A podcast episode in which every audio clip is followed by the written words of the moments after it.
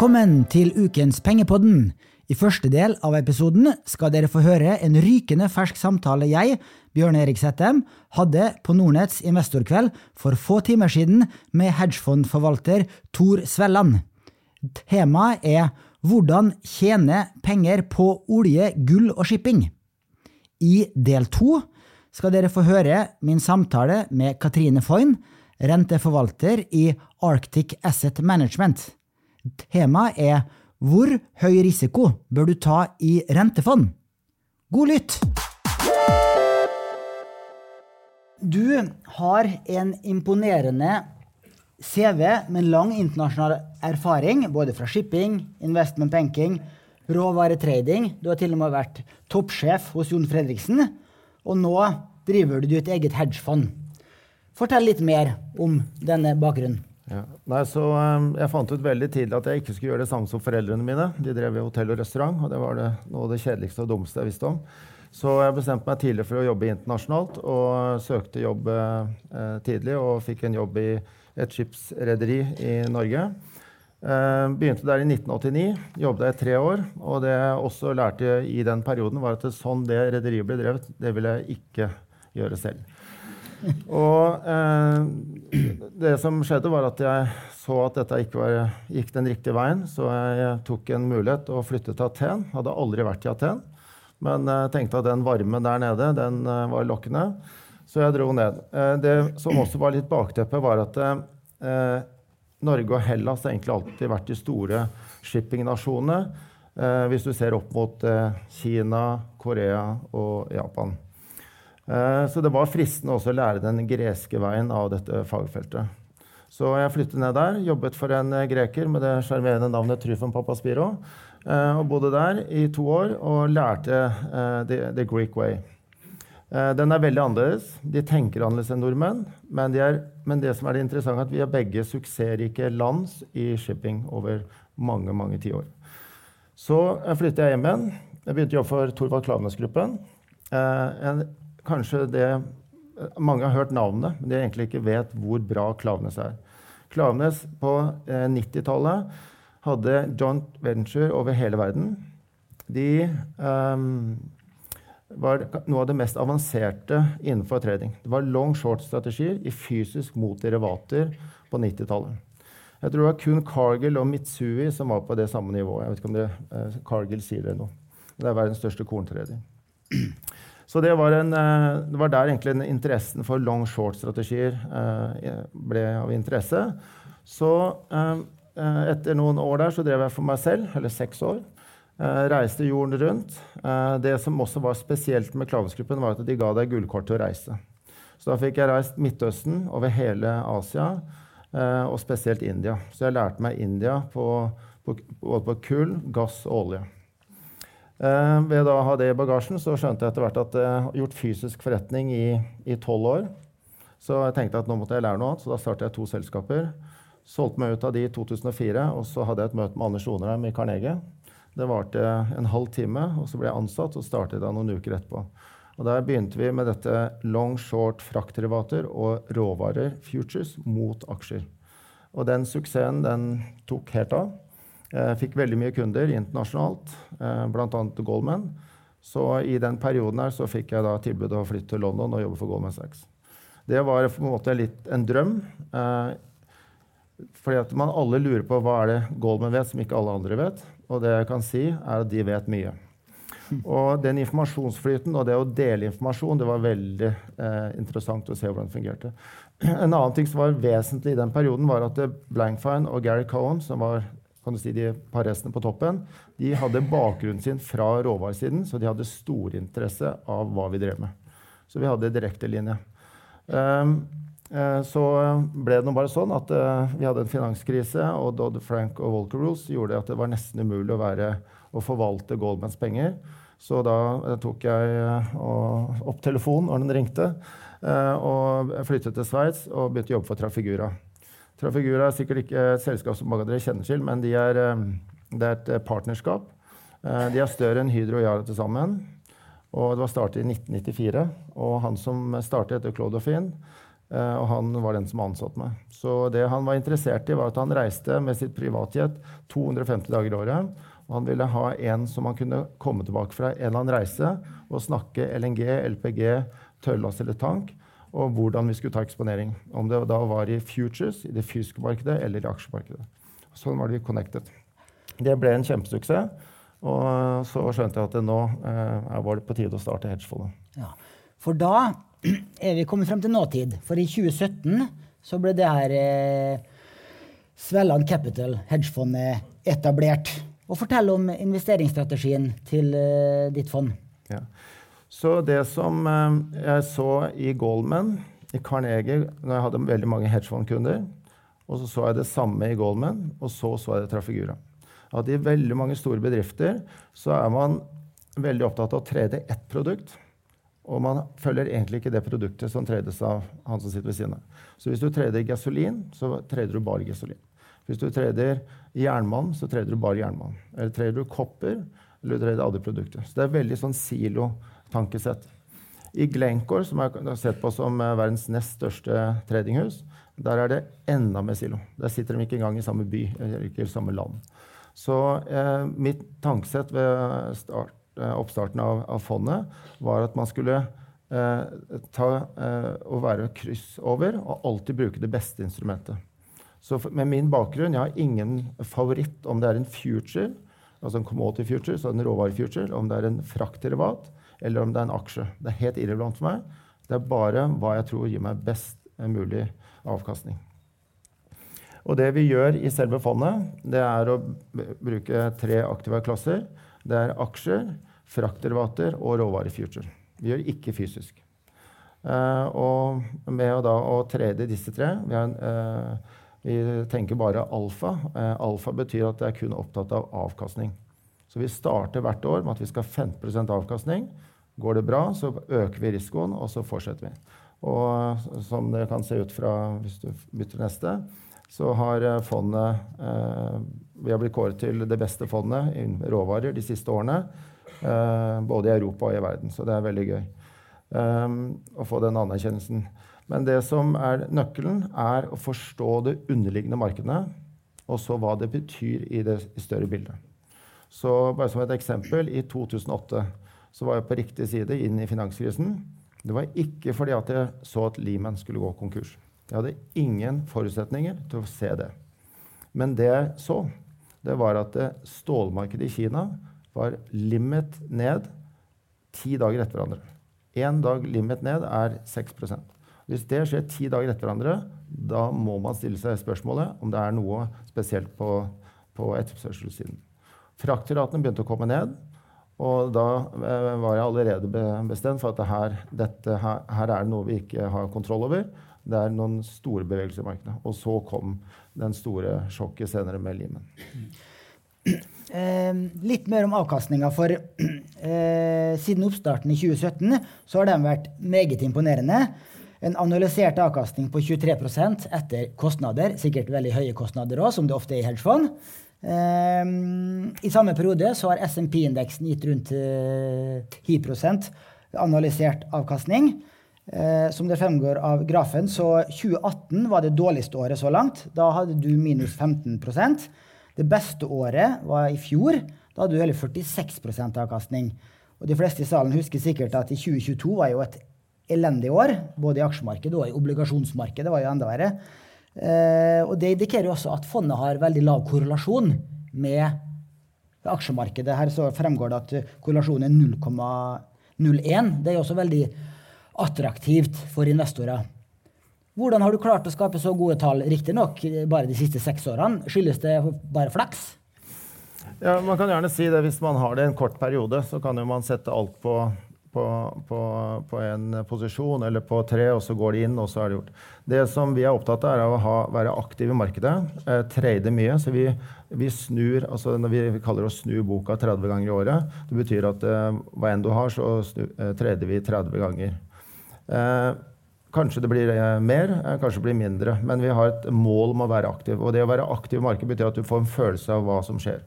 Eh, du også tvinger deg til å være på toppen av alle posisjoner. Så jeg tror nok også det at Hvis du går tilbake til 1920, så var råvaremarkedet var ekstremt out of favor. Eh, det er det flere grunner til, men det ene var at eh, råvarer var eh, ikke attraktivt for banker på slutten, fordi det var store problemer. Franske banker, tyske banker, alle trakk seg ut. Og husk at i råvaremarkedet, en av verdens største banker er DNB og Nordea.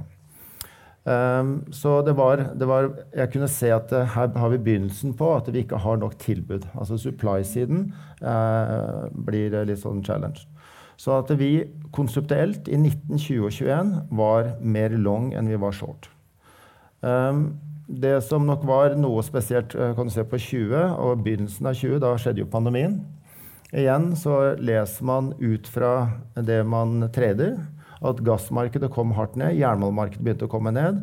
Og da begynte jeg å ringe rundt i Kina, og i, dette er da januar 15.-16. januar 2020. Hva, hva, er det som skjer? Og så er det diskusjoner om at uh, dette er en SARS-situasjon, uh, og noen få begynte å snakke om at det var en pandemi.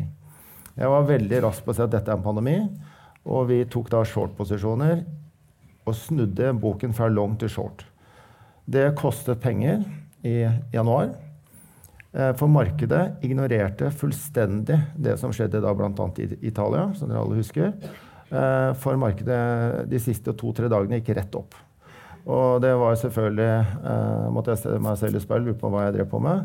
Eh, men så begynte ting å falle i februar, så ble vi noe betalt, og så ble vi betalt med kollapsen da i mars.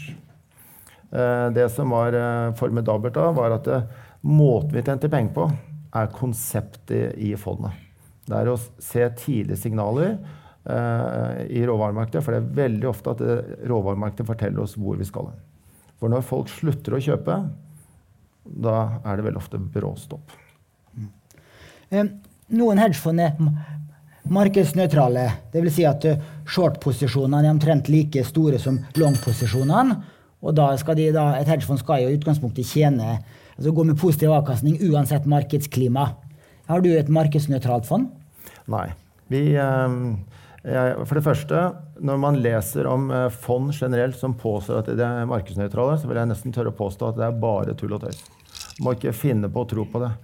Eh, hvis du spør FCA, som er da Englands kredittilsyn, så sier de at det, hver eneste posisjon du har, er en, en, posisjon som står for seg selv. Så hvis du har én long eh, posisjon og én short, og de er 1 million dollar mot 1 million dollar, så sier man at man er markedsnøytral. I min verden så man, har man posisjon for 2 millioner dollar. Det er veldig veldig viktig, for jeg garanterer deg at hvis du alltid kjører long short, så vil shorten din den kommer til å gå opp og longen din kommer til å gå ned. Og man, Det er da man uh, viser om man kan håndtere det risikobildet man har. Så det å være markedsnøytral det tør jeg nesten påstå at det, i, i aller aller fleste tilfeller det, det, er ikke riktig. Så vi er, er opportunistiske og les, prøver å lese markedet hele tiden. Og skal da klare å skape det som heter alfa på fagspråket. At vi har uh, høy avkastning. Og, som vi da har klart så langt. Mm. Men er det er det mange små veddemål, hundrevis av veddemål gjennom året, eller er det noen få store som har skapt så god avkastning? Nei, det vil alltid være at man må forstå markedet og lese altså tilbud etterspørsel.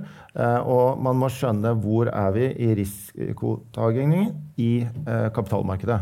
Så som et eksempel eh, Hvis det er stor interesse for teknologi, så må man tenke seg nøye om. Hvis man da er long f.eks.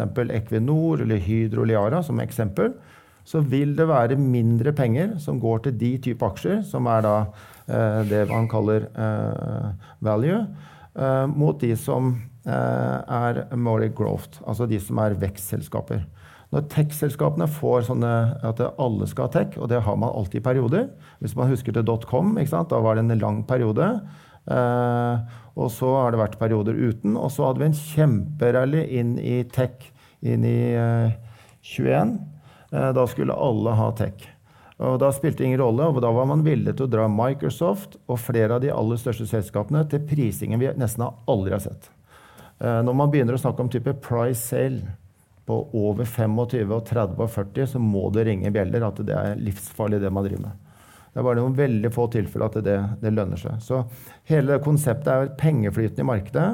Hvor er det pengene skal. Vi skal snakke senere om rentemarkedet. Nå tiltrekker de seg noe kapital. Men eh, det er vesentlig å, ta posisjoner, spesielt på Oslo Børs, som er en råvarebasert børs, eh, hvor tech-selskapene er noen få. og, og, da er det viktig å skjønne den dynamikken. Så for oss, konseptuelt, så kan vi være long Nasdaq som en indeks. Og vi kan være eh, long eh, type Frontline Golden Ocean, i, eh, Yara, Hydro og type Equinor. Så vil de faktisk offsette seg med risiko. Men bøkene mine ser ut som at de er kjempelang. Så det er bare som et konsept pga. den pengeflyten. Det er superviktig å følge med på det. Du svarte ikke helt på, på spørsmålet. Er det masse små eh, transaksjoner som summerer til denne avkastningen, eller er det noen få i løpet av året som drar lasset? Det er, eh, det er mange transaksjoner. Så, men du må ha retningen. Mm. Og ja, Du har jo jobba i Goldman Sachs, en av verdens største investeringsbanker. Eh, Trafigura, en av verdens største råvaretraidere. Eh, og nå eh, driver du et lite hedgefond med noen få kolleger rundt deg. Det må være stor forskjell i måten du jobber på? Ja, så det, det, som jeg gjorde i, i, 2016, det var at jeg satte meg ned og tradet for mine egne penger. Nå hadde jeg gjort det fra 94 til 2004 selv, så jeg visste hva jeg, jeg har gjort det før. Uh, men jeg var veldig uh, Jeg var veldig opptatt av at fra Klaveness-tiden, uh, Carnegie og både Goldman og Trafigura, så hadde jeg formidabel avkastning internt. Ehm, så jeg var veldig opptatt av å finne ut om dette var at jeg hadde blitt en del av system, altså det vi kaller å ha et hot seat, at du har et sete hvor det, altså informasjon bare ramler over deg. Så du må nesten være udugelig for ikke å tjene penger. Men uh, det som jeg um, uh, fant ut, var at uh, når du jobber i Goldman, så vil alle snakke med deg. Uansett hvem det er, alle vil snakke med deg. Når du jobber i Trafigura, så er folk litt mer skeptiske, for de tror alltid at du har den motsatte posisjonen av det du kommuniserer i markedssyn. Eh, det jeg fant ut i, når jeg startet Svelland Capital, var at eh, vi var, er velkjent i markedet. Eh, mer eller mindre over hele Europa, USA og hele Østen. Så vi har mye informasjon. Og at folk var, dørene egentlig åpnet seg opp for at vi kunne ha dialog. Jeg var ikke sikker på det, så det var det jeg gjorde da i tre måneder. Og så gikk det veldig bra. Det var en av mine beste perioder noen gang. Og da bestemte jeg for å trykke på knappen for å sette i gang alle kostnadene. For det er dyrt å sette fond. Mm. Eh, som spareøkonom så må jeg si at disse tallene her er ganske enestående. Eh, fordi at eh, hvis du ser på hedgefond, hele hedgefondkategorien, så har avkastninga vært relativt svak de siste fem og siste ti årene. Vi har også en fem til ti hedgefond på Nordnett-plattformen. De viser ikke de sånne avkastningstall som det her. Jeg, eh, forsøkte å finne en samleindeks for uh, hedgefondavkastning. Og, fant jeg i hvert fall, og det finnes eh, flere av de. Og den ene jeg fant, i hvert fall, Eureka Hedge, den har en analysert avkastning på 5% de ti siste årene. Og det er jo ikke noe særlig å skryte av. Det er jo omtrent halvparten av det amerikanske aksjemarkedet. Målt i dollar, f.eks. Eh, så hedgefond kan være så mangt også. Det er jo eh, eh, Hvis jeg skal være litt kritisk, så kan jeg si at hedgefond blir ofte kalt som en eh, black eh, box, for du vet ikke helt hva du investerer i. Oi, var det den strategien jeg hadde kjøpt? Det visste jeg ikke. Hva er det å si til en slik karakteristikk som black box? Ja, så vi, eh, vi, er da ikke black box, så vi er eh, villige til å dele og, og, forklare i detalj. Så vi har eh, nå 135 forskjellige investorer. De er spredt over hele verden. Ganske mange konsentrert i Hongkong. Vi har Australia, Afrika, Brasil, mye i Europa. Og det er ganske nøye prosesser man går gjennom for å klare å få de type kapital. Så vi har da vi har mye Family Office. Vi har mye private investorer. Eh, til og med fått noen norske. Lenge hadde vi ingen i Norge. Vi hadde én, faktisk, som er veldig kjent.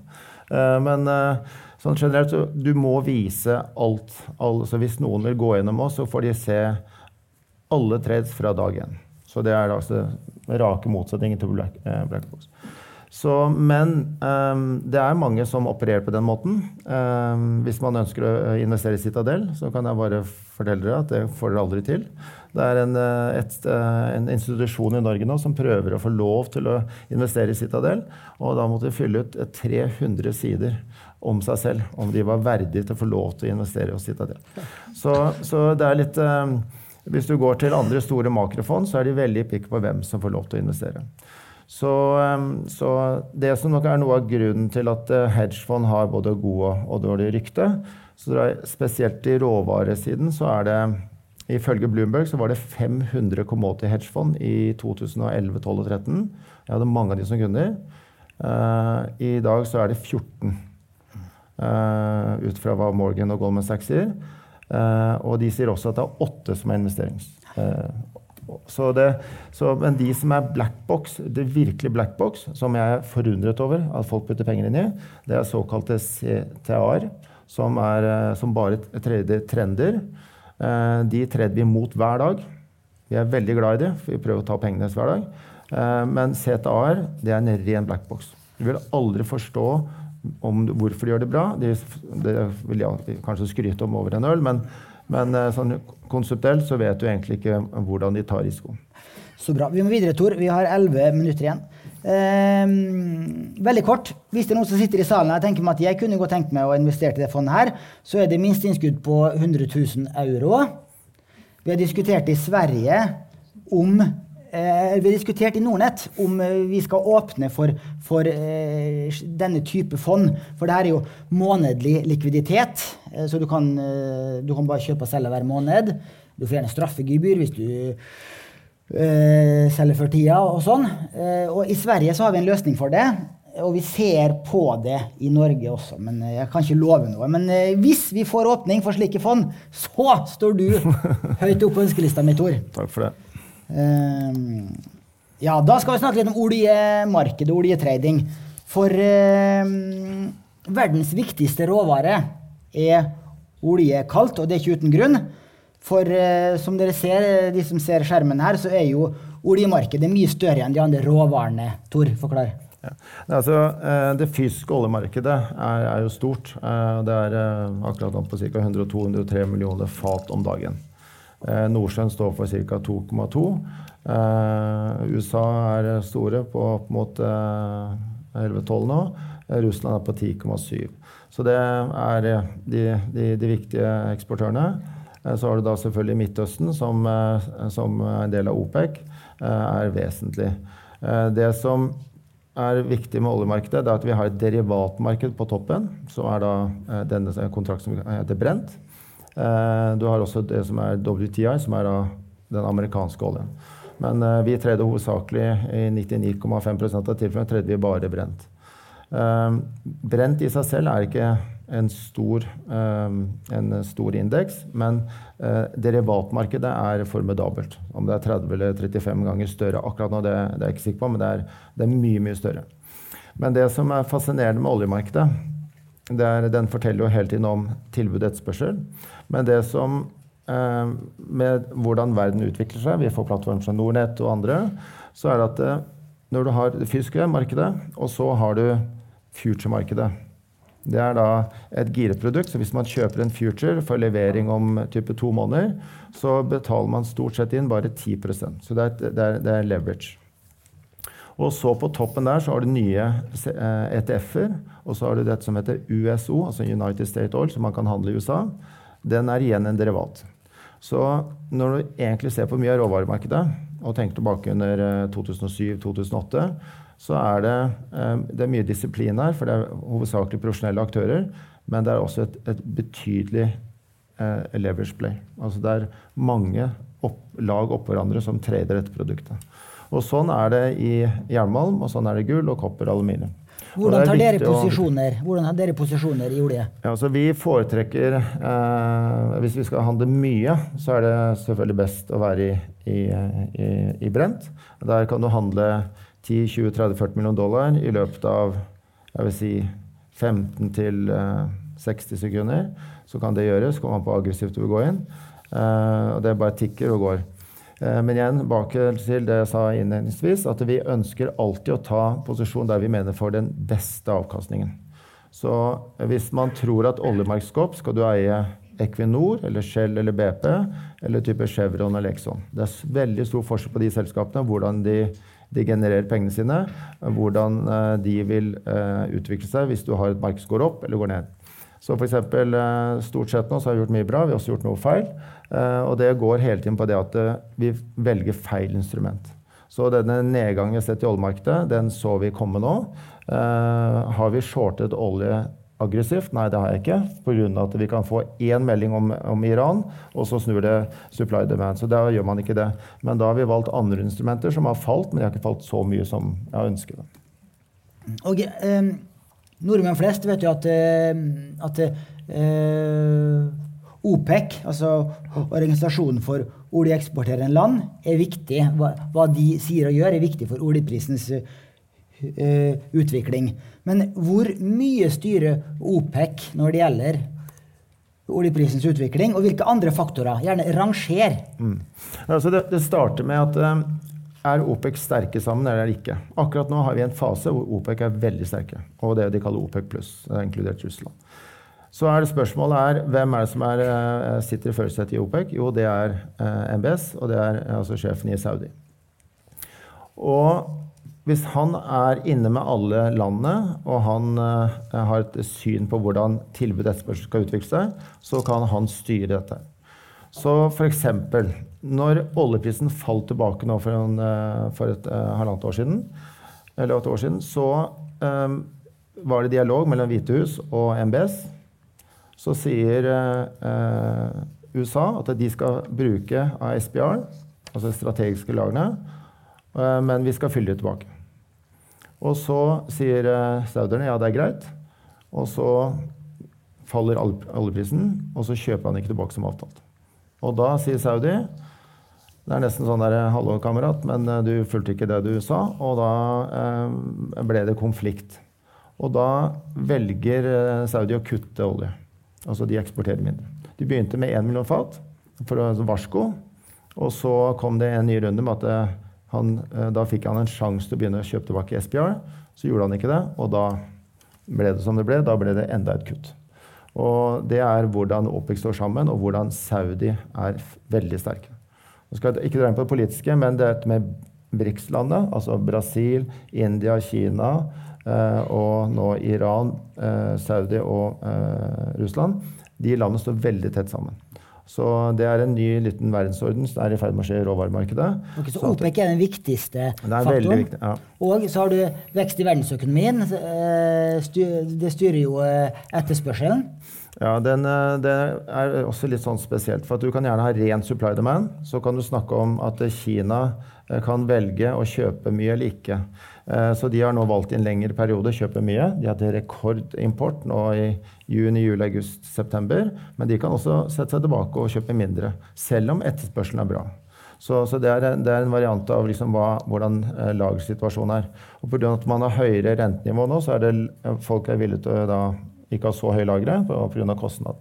Så det er, det er, bare et spill. Så um, for at man skal se at etterspørselen er god, så må man se trekk i verdens oljelagre som jeg vil si som, eh, er, kan si som nummer tre. Da. Bra. De siste minuttene eh, bruker vi på å snakke litt om shipping. For som du har vært inne på, du har lang erfaring fra shippingbransjen. Eh, hvilke posisjoner har dere i shipping for tiden? Altså, konseptuelt eh, for de neste tre-fire årene og det kan jeg si for første gang nesten i verdenshistorien, det er helt umulig å bygge for mye skip til å ødelegge markedene. Eh, fra 2008 til i dag så er det 80% av verdens skipsverftskapasitet den er borte. Så, eh, og det er ikke villigheten fra bankene til å låne til å bygge skip. Den er heller ikke det. Så eh, altså ha, Vi kommer til å ha svingninger, og det er noe som har blitt litt for dyrt akkurat nå. Men sånn konseptuelt over de neste årene så er shipping attraktivt. Så du tar både eksponering i shippingselskaper, altså kjøper aksjen, og så kan du kjøpe fraktderivater. Så Det kommer helt an på da, prisingen og hva som er det mest attraktive. Sånn som akkurat nå så er det noen shippingaksjer som er, er eh, historisk veldig dyre. Eh, du har jo sittet i styret i både Frontline og i eh, Golden Ocean. Frontline er jo et uh, tankskip uh, som frakter altså et, et tankskiprederi som frakter olje. Golden Ocean er uh, tørrlast. Du har med en graf her som viser avkastninga. For der har jo Frontline gått seg kule, mens Golden Ocean har gjort det svakt. I hvert fall det siste året. Ja.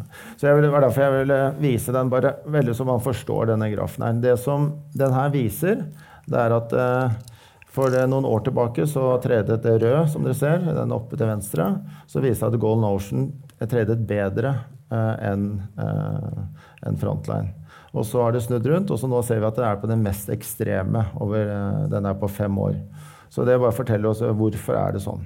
Er det sånn nå at eh, Frontline, pga. krigen, så har den blitt priset veldig høyt. Og så er man veldig negativ til Kina og andre verdensøkonomien. Og så ønsker man å, å si at Ocean skal ikke gjøre det like bra. Det er det grafen forteller oss. For, for, nøyaktig nesten to år siden så satt jeg i et møte med masse kjente investorer i, Oslo. Og da diskuterte vi Frontline versus Golden Ocean. Og jeg var i den campen at jeg ikke ville eie Golden Ocean, men jeg ville eie Frontline. Og da var Frontline på 80 kroner og Golden Ocean på 130. Eh, I dag så er Golden Ocean på 83 kroner, og vi har eh, Frontline på 240. Så det har noe med at eh, altså, analytikerne i markedet er nå så bulla opp på Frontline og tankmarkedet pga. diverse ting. Men det jeg kan fortelle dere, det fysiske markedet og future-markedet indikerer ikke i nærheten av de earningsene, altså det, den, eh, de ratene som uh, shippinganalytikerne indikerer. Så jeg vil si akkurat nå så er det, det er en, en, en, sånn ekstrem mismatch med hvor det faktiske markedet er, og hva analytikere i mange tilfeller som egentlig ikke har noen spesiell shippingbakgrunn, predikerer. Så du sitter long i Golden Ocean og short i Frontline? Svaret på det er ja.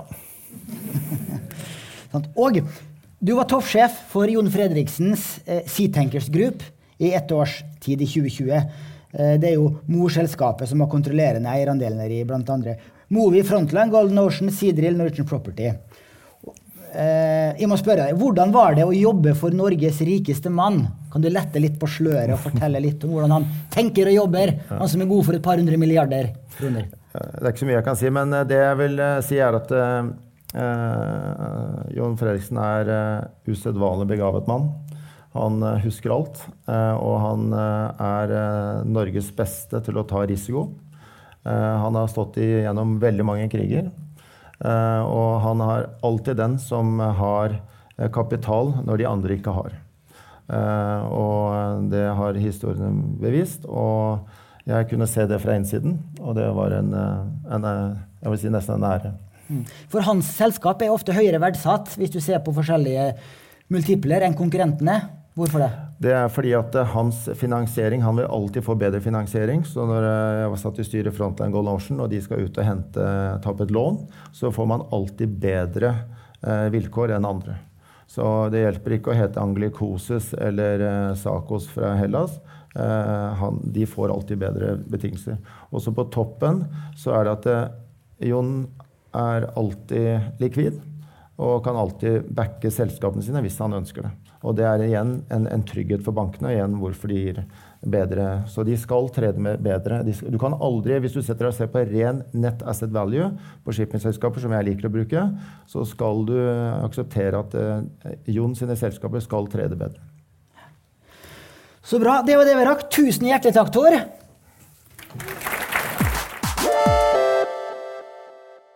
Velkommen til deg, Katrine Foyn, renteforvalter i Arctic Asset Management. Jo, takk. Nå skal vi snakke litt mer om rentefond, som har fått en renessanse det siste året som følge av renteoppgangen. Nå finnes det endelig alternativer til aksjer. For nå får du 5% risikofri rente i likviditetsfond, tilnærma risikofritt i hvert fall. Eller du kan få 6% i uh, obligasjonsfond med litt større rente og kredittrisiko. Eller du kan ta steget helt ut og få 8-10 i et risikofylt high yield-rentefond. Og to sentrale spørsmål er hvor høy risiko bør du ta i rentefond? Og får du godt nok betalt for å ta den økte risikoen? Det skal du få lov å svare på, Katrine. Men kan du starte med å fortelle kort om hvem du er, og litt om Arctic? Ja. Nei, mitt navn er da Katrine Foyn. Jeg eh, startet ut med å studere finans på Handelshøyskolen BI, og så jobbet jeg litt på Oslo Børs, med aksjeopsjoner, faktisk. Før jeg dundret inn som rente, eh, først rentemegler, og så har jeg sittet og forvaltet uh, kreditt og rentefond i Norge og Norden resten av karrieren min. Eh, jeg var så heldig og fikk være med på å starte opp Arctic Asset Management i 2010.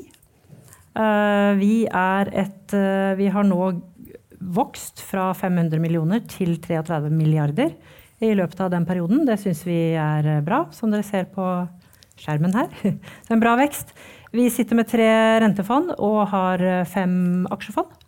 Og noen diskresjonære porteføljer. For eh La oss starte enkelt, for de som ikke er så, så inne i rentefondverdenen. Det er tre hovedkategorier av rentefond. Forklar. Ja. Nei, da vi startet opp, så ønsket vi egentlig ikke å ha veldig mange fond, men å, å, så, så, det er litt sånn enklere meny for kundene våre å velge. Og da var ideen at vi skal ha et likviditetsfond, et fond som man kan bruke som et uh, alternativ til bank.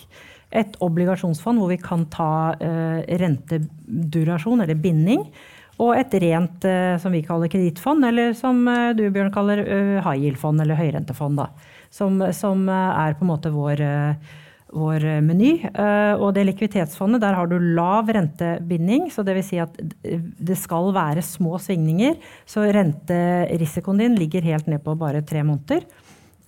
Og så har man også en, en, en lav kredittbinding, som vi kaller det. Dvs. Si hvor lange papirer vi handler. Mens i obligasjonsfondet der kan vi ta, uh, gå helt opp til fem år i durasjon. Uh, og har, har, har, dermed må man påregne noe større svingninger. og i kredittfondet så, så, skal ikke egentlig durasjonen ha så mye å si, men litt som Thor var inne på, at hvis vi gjør papirer i utlandet, så er det jo i utlandet, som Thor nevnte, så er det jo stort sett fastrente som gjelder. Eh, så da vil man ofte få med seg noe rentebinding. Um, og valutaen sikres det som ikke gjøres i norske kroner, for vi er nordisk forvalter. Mm. Og hvis vi ser litt på avkastninga i de tre fondene til Arctic, som er ganske representative for fondskategorien, henholdsvis likviditetsfond, obligasjonsfond og high yield-fond, mm. så viser denne grafen her, for de som uh, følger oss på stream, og de som er i salen, at uh, det, er ikke noe tvil om hvilket fond som svinger mest. Det er high yield-fondet. Det er helt korrekt. Og det er klart at high yield det er jo en, på en måte en, en, uh, hva skal jeg si, det som ligger nærmere aksjesvingninger, da. For risikoen er høyere. Man låner ut penger til selskap som, som ikke er så uh, kall det trygge, men allikevel i mine øyne ganske trygge. Uh, og da får du bedre betalt. Men uh, da vil også det svinge mer når det er måte når det skjer ting i markedet, sånn som vi ser på grafen i covid, hvor det da falt ganske kraftig, men kom raskt opp igjen. Og så hadde vi jo oljekrisen en periode, og, og da er det viktig å, å kommentere òg det at Eh, dette high yield-markedet i Norge og Norden, det er jo allikevel relativt Det er i hvert fall ungt i Sverige, men det er relativt ungt i Norge også. Så under den eh, der det står oljenedturen, da var det jo en veldig høy andel olje- og offshore-obligasjoner i markedet. Det var nesten så høy som 80% Så det vil si at når du da fikk en nedtur i oljebransjen, så påvirket det mye mer enn det det ville ha gjort med en tilsvarende bevegelse i dag. For nå er det et mye mer robust og mer diversiserende marked enn det vi hadde da. Sant. Og eh, det er også interessant å se litt på avkastninga. Eh, de, eh, det siste året har jo vært rundt, eh, rundt 11% for Arctic Nordic Corporate Bond, altså det har mm. GIL-fondet. Det er jo veldig sterkt. Det har nå en effektiv rente, eller løpende rente, på ja, 9,4 ligger den per i dag. Mm. Sant? Eh, hvis du ser siden oppstarten, så er jo avkastninga mye lavere. Det skyldes også at det har vært mye lavere rente nå i perioden nå, men den ligger på 4,3. Eh, Ja, så liker jeg å skyte inn der at det er klart at vi, vi har jo, det er jo mange konkurrenter i dette markedet her. eh, Og det er jo ikke alle som har sittet gjennom den oljenedturen. Så det er klart at den perioden der så var det veldig spesielt. Så nå har jeg ikke tatt med den, for det er siden oppstart den eh, 4 Men hadde vi tatt i etterkant av den, så hadde det selvfølgelig sett annerledes ut. Og nå har vi jo en underliggende rente som er vesentlig høyere. Sant? Når det gjelder eh, obligasjonsfondet, så har det gitt eh, rundt 6% avkastning siste året, og har en eh, effektiv rente også på rett i overkant av 6 Korrekt? Eh, og det likviditetsfondet, eh, Arctic Return, likeså rundt 6% avkastning siste tolv måneder, og har også en effektiv rente på rundt 6 Ja, det er litt over 6. Vi ligger vel på 6,4 nå. 6 Litt over 6. Ja. Og, eh, men det likviditetsfondet deres syns jeg er interessant. fordi at eh, hvis du ser på KLP-likviditet, DNB-likviditet, så ligger de rundt 1 prosentpoeng under dere. Dere eh, tillater dere å ta litt høyere risiko. Fortell. Ja, for vi, har, vi bruker altså uh, den uh, europeiske tilnærmingen til hva et øh, investment grade Altså investment grade er jo de, de tryggeste selskapene, så vi bruker no, europeisk standard på det. Vil si at vi har muligheten til å kjøpe noen øh, obligasjoner som ligger da øh, Som er på ikke investment grade. Det må ikke være 100 investment grade. Men for oss så er det, og da, da kjente jeg meg litt igjen i det som Thor sa i sted, det er at eh, altså litt sånn å tenke ut av boksen, og vi sammenligner epler og bananer.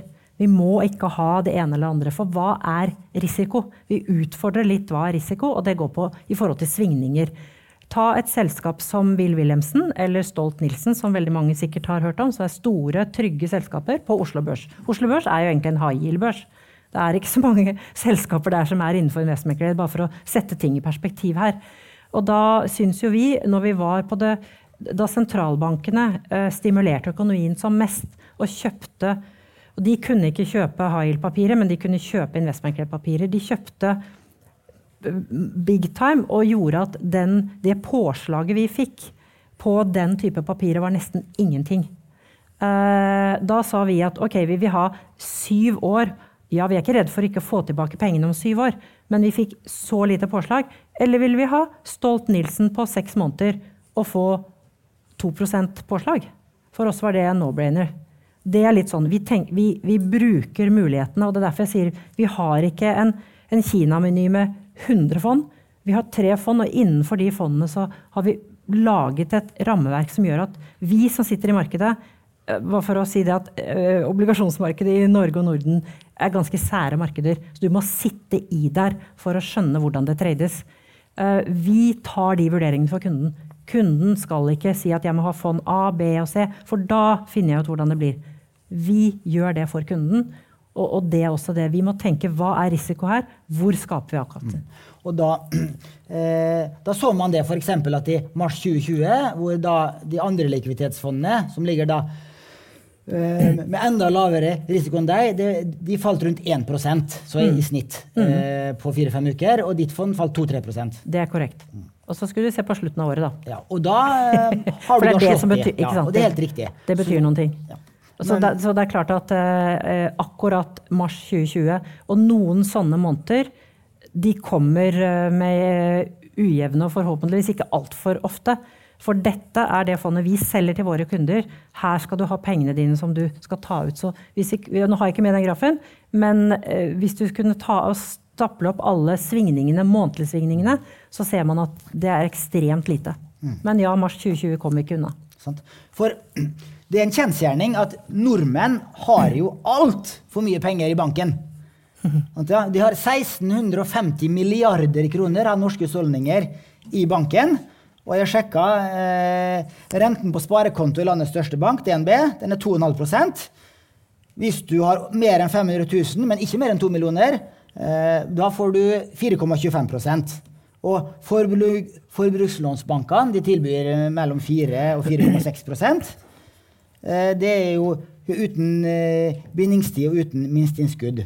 Men det burde være en no-brainer å ta noen hundre milliarder kroner av disse bankinnskuddene og flytter de over i likviditetsfond til KLP, Storebrand, DNB, ditt Arctic. Arctic. Sånn, ja. Hvorfor gjør ikke flere det, Katrine? Ja, det er jo liksom sånn der hodebry for oss også, egentlig. da. Vi prøver jo å, å spre det glade budskap. Uh, jeg tror rett og slett For det første så tror jeg, og, og der gjør jo dere en god jobb, jeg tror at nordmenn generelt, hvis vi ser i hvert fall mot Sverige, så har man vært litt trege med å gjøre den type sparing. Uh, så kan du si at når renten lå på 1% så var det ikke så Det var liksom ikke kanskje der man la inn skytsen. Men nå har vi renter. De er kommet for å bli. Og jeg tenker at det å spare her Det er klart at 1 forskjell det er på langt over litt langen, det blir dramatisk mye penger ut av. Da må man tenke ja, men 1% er ikke så mye. Det er faktisk ganske mye. Gjør regnestykket. Det, det blir mange milliarder kroner, det. Absolutt. På den summen der. Og eh, For vi har sett en mye større interesse for rentefond det siste året, naturlig nok, når de du endelig får renter i rentefond igjen. Eh, og så langt i år så har Nordnett-kundene nettokjøpt rentefond for over 3 milliarder kroner. Eh, de har bare kjøpt, netto kjøpt aksjefond for 300-400 millioner. Og litt nettokjøp i kombifond nå.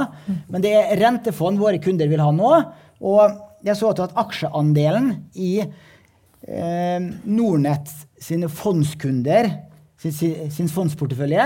For halvannet år siden var den på 93 nå er den på 83% Så det har skjedd en vesentlig rebalansering av våre fondskunders porteføljer.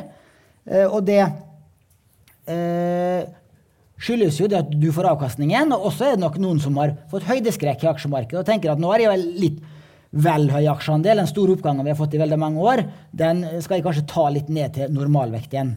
Men eh, dere også merker stor etterspørsel etter rentepapirer nå? Mm, absolutt. Og vi, vi, har vel økt. Jeg satt og så på tallene, og jeg tror at på, på forvaltningskapitalen på renter, så har vel den økt nesten med 48% på de siste to årene. Og, så, så, det er ganske dramatisk. Og vi ser jo akkurat det. Og, og da tror jeg eh, kanskje litt det med, som Thor sa, at du skal ha litt eh, tørt krutt. At de kan bruke type Arctic return da, som det tørre kruttet til eh, siden. Og så ser vi jo at folk eh, flytter det fra bank. Nå har jo innskudd på bank kommet seg etter hvert, men en periode var det jo veldig lavt. Mm. Så, så det mm, men, eh, men, det siste så har jo også fond med durasjon, altså binde rente. Akkurat som når renten var på bunn, så burde jo flere sikkert ha bundet lånerenten. Og nå kanskje er vi på et eller annet toppunkt, så er det kanskje ikke så dumt å binde noe av, av innskuddsrentene, da. Eller, ja. Ja, nei, vi, vi, ser også det at det, det, begynner å bli interesse for obligasjon med litt lengre mm. eh, eh, rentedurasjon, altså rentebindingstid. Og da, hvor, lang rentebindingstid har du i det investment grade-obligasjonsfondet deres? Ja, da har vi en ramme på null til fem år, så vi er igjen litt sånn videre rammer. Og eh, da rentene lå på bånn eh, Jeg vet ikke, vi har vel en eller annen Hvis du trykker på en eller annen graf her, vi, jeg vet ikke om vi har den med. Der, ja. Er det ikke den? Nei. En til. Der. så, så, ser vi at uh, der rundt sånn uh, båndpunktet før det liksom begynte å gå opp, så lå vi med 0,25 i durasjon. Som er veldig lavt. Da brukte vi hele spacen, hele på en måte vidden i, i fondet. Uh, nå har vi kommet opp og nærmer oss 3% så vi er jo 2,7. Tre års rentebinding. Tre års rentebinding, ja. ja. Og så får vi se hvor langt opp vi skal. Om vi skal opp til fem, eller det gjenstår å se. Men ja, mm. Mm. Så vi gjør jo den vurderingen for kundene som er i fondet hos oss. da. Vi har brukt tid. Mm. Eh, på Nordnettsplattformen så har vi jo eh, Det er ikke så mange obligasjonsfond med lang durasjon, altså lang rentebinding. Du har eh, ja, uh, Alfredberg, Nordic Investment Grade, Long Duration, som mm. ligger med sju-åtte års rentebinding. Så har du KLP, obligasjon fem år. Det er to eksempler. Den har fem års rentebinding, som navnet tilsier. Mm. Uh, men det store spørsmålet er uh, Får du godt nok betalt for å gå oppover den risikotrappa fra likviditetsfond opp til obligasjonsfond, men også det helt opp til high yield-fond. For uh, som vi ser, du, hvis du sitter lenge nok, så får du betalt for risikoen. Uh, men får du godt nok betalt, Katrine? Ja, jeg, sy jeg, jeg syns jo det. Uh, det er klart at horisonten din når du går inn i et sånn type produkt, må bør være sånn tre år pluss. Eh, og ha litt is i magen, sånn type covid, så var det dumt å kaste kortene fordi du rakk knappast å komme inn igjen. Vi vet jo ikke, som jeg sa, hvor, hvordan eh, enhver krise utarter seg. Eh, så, så, jeg tenker det. Og hvis vi ser på liksom de ulike lagene, så har du jo Norges bankrente ligger på 4,25 prosent nå. Og så vil du jo få et kredittpåslag, en risikopåslag. Eh, den ligger ikke over, på, over Norges bankrenten, men legger over noe som heter Nibor-renten, som er hva bankene låner til hverandre på. Den ligger ca. på 4,7 i dag. Eh, og, og, hvis du Mellom eh, ja, pluss-minus 4% får du et risikopåslag. Da havner du rundt 9 mm. Og det tenker jeg at Hvis vi ser på historisk Nå har vi ikke noen gode indekser langt tilbake i tid for å se om hva vi har hatt som er det historiske gjennomsnittet i Norden. Eh, men hvis vi ser det i Europa, så, så ligger vi per nå eh, over det historiske snittet. Ja, ja det, det virker, altså man pleier å si at du kan forvente 4-5 eh, risikopremie i aksjemarkedet på lang sikt, sammenligna med den risikofrie renta. Mm. Og her kan du faktisk få omtrent samme risikopremien i high yield-papiret for tida, som har, som har lavere definitivt lavere risiko. Jeg har sett undersøkelser fra USA som sier at hvis aksjemarkedet halverer seg, som det ofte gjør hvert 10-15 år, så vil et gjennomsnittlig high yield-fond falle halvparten av det igjen, altså 25, 25 fall. Mm, mm. Ja, det, stemmer nok eh, sikkert, eller sånn cirka. For hos oss i covid så falt vi kanskje 17-18, og da tror jeg aksjemarkedet var 30, par og 30% Så det er sånn ballpark, tenker jeg. Sant? Og da kan jo et uh, high yield-fond sammenlignes med et balansert kombinasjonsfond da, med 50% aksjer, 50 sikre rentepapirer. Mm, mm. Ja. Og så kan du si at Det som er et viktig poeng, som for så vidt litt på, på, i, det er at et obligasjonsfond altså Faller et aksjefond, så må aksjen opp igjen for at du skal hente igjen tapet.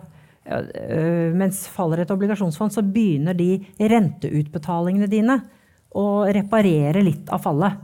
Sånn at, øh, så, så vi har på en måte en øh, vi, vi må ikke, Det må ikke nødvendigvis opp igjen for at vi skal få noe avkastning. Avkastningen løper jo egentlig 365 dagene i året. For det er jo renter som, eh, som godskrives, da. Fondet. Ja. Eh, litt mer om high yield-fond. For du sa at eh, hvis du har minst eh, tre års investeringshorisont, så mm. syns du at eh, high yield-fond virker veldig attraktivt på dagens nivåer. Og det er også interessant, fordi at den eh, hvis du går tilbake til den oljenedturen i 2014, 2015, 2016, mm. så så vi at et gjennomsnittlig high yield-fond det tok om lag tre år før det var tilbake på gamle toppnivåer. Mm, absolutt. Og det, så, så den, som jeg sa, enhver krise kommer jo på litt annen måte. Og, og den var en, en, en seigere variant, men man kommer jo ut av den også. Sånn at det, det, er derfor at vi, når vi selger inn det til våre kunder, og, litt sånn at, at, hvis man har den is i magen og har den horisonten, så, så tenker vi at uh, når du får aksjeavkastning på et rentefond der vi er i dag, det er jo ikke alltid vi er, for det er lenge siden vi har vært der, uh, så, så, tenker vi at, at, dette er bra. Og vi er jo òg der når vi forvalter at vi tenker at vi trenger ikke ta masse risk, for i high yield-markedet så kan du løpe etter den eh, høyeste yielden altså til enhver tid, det syns vi er en dårlig strategi. Fordi at når markedet har vært veldig bra eh, i 2022 og 2023, Dvs. Si at, at de fleste har fått refinansiert, og, og risikopåslagene har gått noe inn. Uh, men når, når, det er et godt marked, så vil de som låner penger, få lånt ut på, på, i låneavtaler, for vi er jo nede i låneavtalene, som ikke er så gode for oss som investor. Uh, og vi tenker at når vi får risikofri rente på 4,7, og vi, da trenger vi ikke ha så store påslaget. Vi, treng, vi kan være, gå litt mer inn på, risik, altså på risikogrenen og likevel god avkastning. Dvs. Si at vi verner oss litt hvis vi nå kommer til en stor nedtur. Altså at, at, at eh, sånn som Tor var redd for, at disse rentene de knekker økonomien. Sånn som jeg forsto han i hvert fall. Så sammenligna med noen andre høyrentefond på Nordnett-plattformen f.eks., så, vil så vil du mene at dere har litt mer moderat risiko. Litt mindre hisse på grøten enn eh, kanskje han i Stavanger? Ja, det er i hvert fall etter å ha hørt på han, så tror jeg det. Mm. Det snakk om Heimdal Høyrente er jo et veldig populært fond hos oss. og Han er kjempeflink, Erik Hagerup, men han er jo også uh, åpen på det. At han er litt mer uh, opportunistisk. Sitter med en litt høyere aksjeandel sant, ja, enn uh, et gjennomsnittlig high yield-fond. Mm. Sitter lengre på aksjene. er villig til å ta litt høy risiko fordi han mener at han får veldig godt betalt for det. Og ja, og, det, det hørte, og der, der har man jo forskjellige tilnærminger. Og så er jo vi ydmyke for at vi har sittet gjennom noen nedturer her og forvaltet. For én ting er å sitte i markedet og se på markedet når markedet går, men det er noe annet når du sitter og forvalter det selv. Du sitter med fondene, de er oppe og gå, du skal ha likviditet hver dag. Eh, det, eh, og det er klart at covid det var en bevegelse, men den gikk så fort at det er egentlig Den, er litt, den var en enklere variant da, mm. enn det vi så under oljenedturen. Mm. Men eh, du har sagt til meg før, Katrine, at eh, renteforvaltere er mer pessimistiske til, syns, eh, til sinns og veldig nedsidefokuserte. Og det er jeg helt inne med deg i, for at aksjeforvaltere Roger inkludert, eh, som er jo da optimistiske mm. og, og da ser oppsidepotensial. For, fortell litt mer om det. Ja, nei, for det er klart at Som en obligasjonsinvestor, så den oppsiden vår det er jo å få rentene. Og så skal vi selvfølgelig ha tilbake hovedstolen. Uh, så, så, vi er taket. Det blir som en cap. Vi får, La oss si at det er en obligasjon med 6% i rentekupong, så er det 6% vi får. Så alt som går gærent eh, med selskapet, det tar av de 6 Den, At aksjene på det selskapet går til 1000, det hjelper jo ikke oss. Sånn at eh, vi må passe på at eh, vi er alltid sånn Hva er galt med låneavtalen? Er den god nok for oss? Eh, men, tror vi på CEO-en her? Er et CFO-skifte? Hva vil det si? Altså, vi går hele tiden ned i pyddingen. Jeg får, som sagt, hjemme så får jeg tyn for det. for jeg skal alltid Nei, det er ikke så bra. Så, så ja, så vi, vi er litt nedsidefokusert.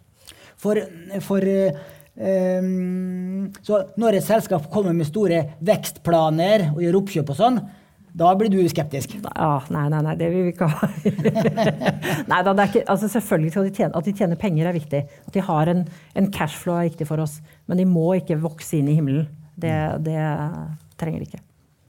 Sant. Uh, uh, du var litt inne på det med at man, man, man, burde begynne å se på obligasjonsfond med lengre rentedurasjon.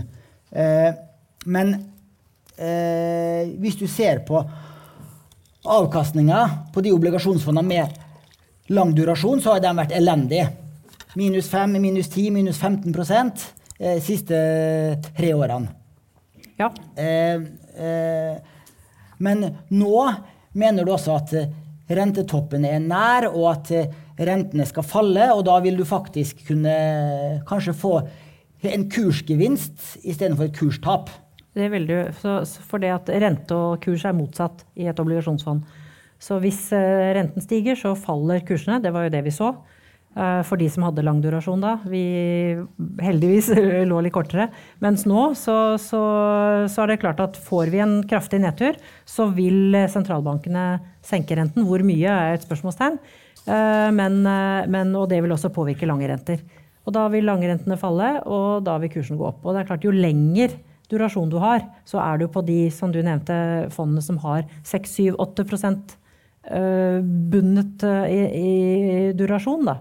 Så, så, vil de få en dertil større kurseffekt. Mm. Absolutt. For da er det f.eks. hvis du har femårs durasjon, altså fem års fastrente, og hvis den femårsrenta endrer seg med 1 prosentpoeng, så endrer kursen, verdien på obligasjonsfondet seg med 5 mm. Så da slår det veldig hardt. Det gjør det, ja. Og for spesielt interesserte så kan jeg jo nevne at vi har jo rente-ETF-er på Nordnett-plattformen som følger 20 års amerikansk statsrente. Og hvis da den 20-åringen endrer seg med 1 prosentpoeng i feil retning, så taper du 20% Altså hvis 20-årsstat går opp 1 prosentpoeng, da går fondet ditt ned med 20% og motsatt. Du kan tjene Og da, og da har du faktisk et rentefond med aksjerisiko.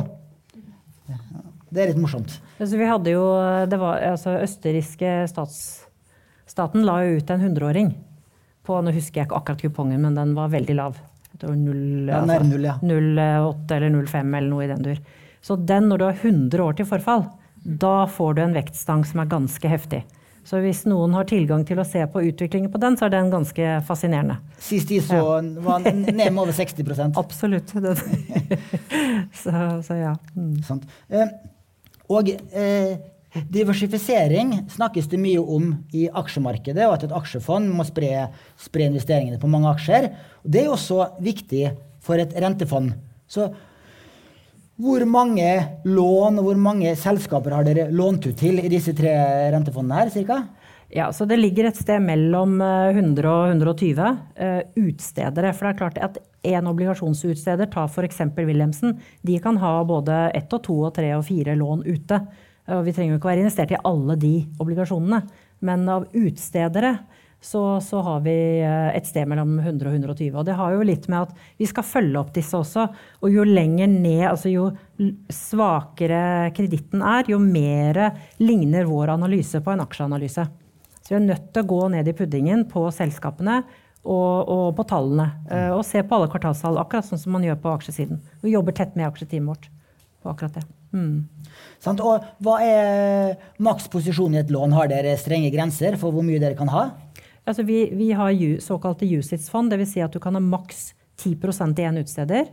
Uh, og alle eh, posisjoner som, av utstedere da, som er over 5% skal summes opp, og summen av de skal ikke være mer enn 40 Så det er veldig sånn rigid hvordan fordelingen skal være på ulike utstedere. Så, så, det har for at likviditeten, siden vi har to dagers oppgjør, så skal likviditeten være god. Mm. Mm. Sant. Og um, du, det, var nesten en eh, reklame å høre i sted at du kan få du kan få aksjeavkastning med lavere risiko i et high yield-fond. og da kan jeg jo eh, eh, legge til det at du får til og med lavere skatt òg. Absolutt. Sånn, ja, det er win-win. Ja. Så, så, mange i salen her vet, så skattlegges jo bare renteinntekter med 22% mens aksjegevinster skattlegges med knapp 38 Riktignok minus et skjermingsfradrag. Nå begynner jo den skjermingsrenta å få eh, litt verdi også. Ja. Jeg snakka med en journalist i Finansavisen i dag. Det kommer en, en, sak i Finansavisen på mandag om hvor mye skjermingsrenta nå har blitt verdt. Så nå, med visse forutsetninger, eh, hvis renta holder seg høy, og du får moderat aksjeavkastning, så kan du faktisk ende med effektiv skattesats ned mot 22% på aksjer også. Men det forutsetter et varig høyt rentenivå og en moderat aksjeavkastning. Eh, sånn som det har vært De siste årene så har jo skjermingsrenta vært nær null. Og da har jo effektiv skattesats vært langt oppe på 30-tallet og, og, nær den nominelle skattesatsen. Mm. Og så kan jeg nevne det også at Hvis du eh, kjøper rentefond på en investeringskonto, Eh, på Nordnett eller andre steder, så får du også utsatt skatt på renteinntektene. Ja, og det og, har vi også i fond hos oss. da. Ja, Det er faktisk litt spesielt med ja. deres rentefond, fordi dere har ikke registrert rentefond i Norge. Nei, vi er satt opp på en irsk eh, plattform. Uh, og det vil si at der er det litt andre, litt andre regler. Vi er dobbeltregulert, altså det har ikke noe med finanstilsyn osv. Så, videre, så, der, så der er tingene på stell. Men i forhold til at, at vi, det vil ikke bli betalt ut renteinntekten gjennom året. Den, du skyver på den fremover. Uh, og så må du selvfølgelig betale skatten den dagen man innløser uh, i fondet. Uh, da kommer skatten. Men, men, det blir på en måte som en ASK-konto i seg selv, da. Ja. Fondet. Ja, og det kan jo være relevant for investeringsselskaper, for dere som har det i salen. Da får du jo faktisk utsatt skatt på rentene. Mm. Og det er flere rentefond som har det sånn. Det har vært at Sissener Corporate Bond, f.eks. De er også registrert ute. Ja. Registrert ute. Mm. Og bare for å ta et regneeksempel på slutten, da. Sånn at, eh, hvis du får 8% avkastning i et high yield-fond, som er kanskje noenlunde det som kan forventes det neste året, og to-tre, det blir jo da 6,24% etter skatt. Og det tilsvarer 10% avkastning i et aksjefond med 38% skatt. Da har jeg ikke tatt hensyn til skjerming, da. Men det er, litt, det er ikke hensikten fra norske myndigheter at renteinvesteringer skal favoriseres fremfor aksjeinvesteringer, men slik er i hvert fall regelverket i dag. Mm, mm. Og med lavere svingninger, da. Og med lavere svingninger. Mm. Får vi se. Det var dagens salgsplakat, men på lang, lang sikt 100% aksjer til du dør.